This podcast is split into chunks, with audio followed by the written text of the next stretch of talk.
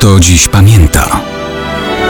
Datownik historyczny prezentuje Maciej Korkuć.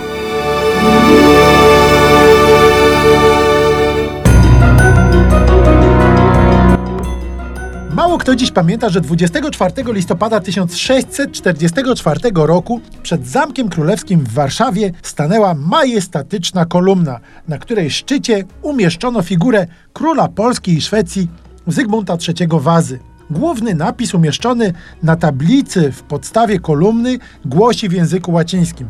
Zygmunt III, z mocy wolnej elekcji król Polski, z tytułu dziedziczenia, następstwa i prawa król Szwecji, w umiłowaniu pokoju i sławie pierwszy pomiędzy królami, nie ustępujący nikomu w wojnie i zwycięstwach. Wziął do niewoli władców moskiewskich, zdobył stolicę i ziemię moskiewskie, wojska rozgromił, odzyskał Smoleńsk, złamał pod Chocimiem potęgę Turcji, panował przez 44 lata w szeregu władców 44 król, dorównał wszystkim lub całą ich chwałę złączył w swojej osobie. Od strony wschodniej mamy dodatkowo po łacinie opis i uzasadnienie figury umieszczonej na szczycie. Tak w niebie, jak i na ziemi, król Zygmunt III, wyróżniający się pobożnością i orężem, słusznie zyskał podwójną chwałę.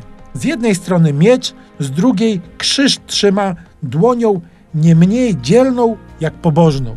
Mieczem walczył, pod tym znakiem krzyża zwyciężył, pod tym znakiem żył bezpieczny, niezwyciężony, szczęśliwy. Teraz, dzięki szczęśliwości, jaką dał na ziemi, sławny, a jaką sobie zasłużył w niebie, błogosławiony.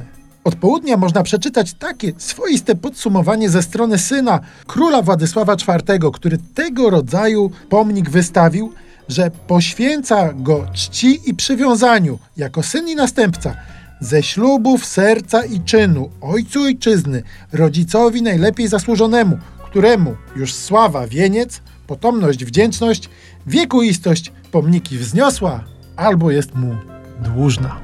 Sama kolumna miała różne koleje losu, ale figura umieszczona na szczycie Bogu dzięki do dzisiaj jest oryginalna.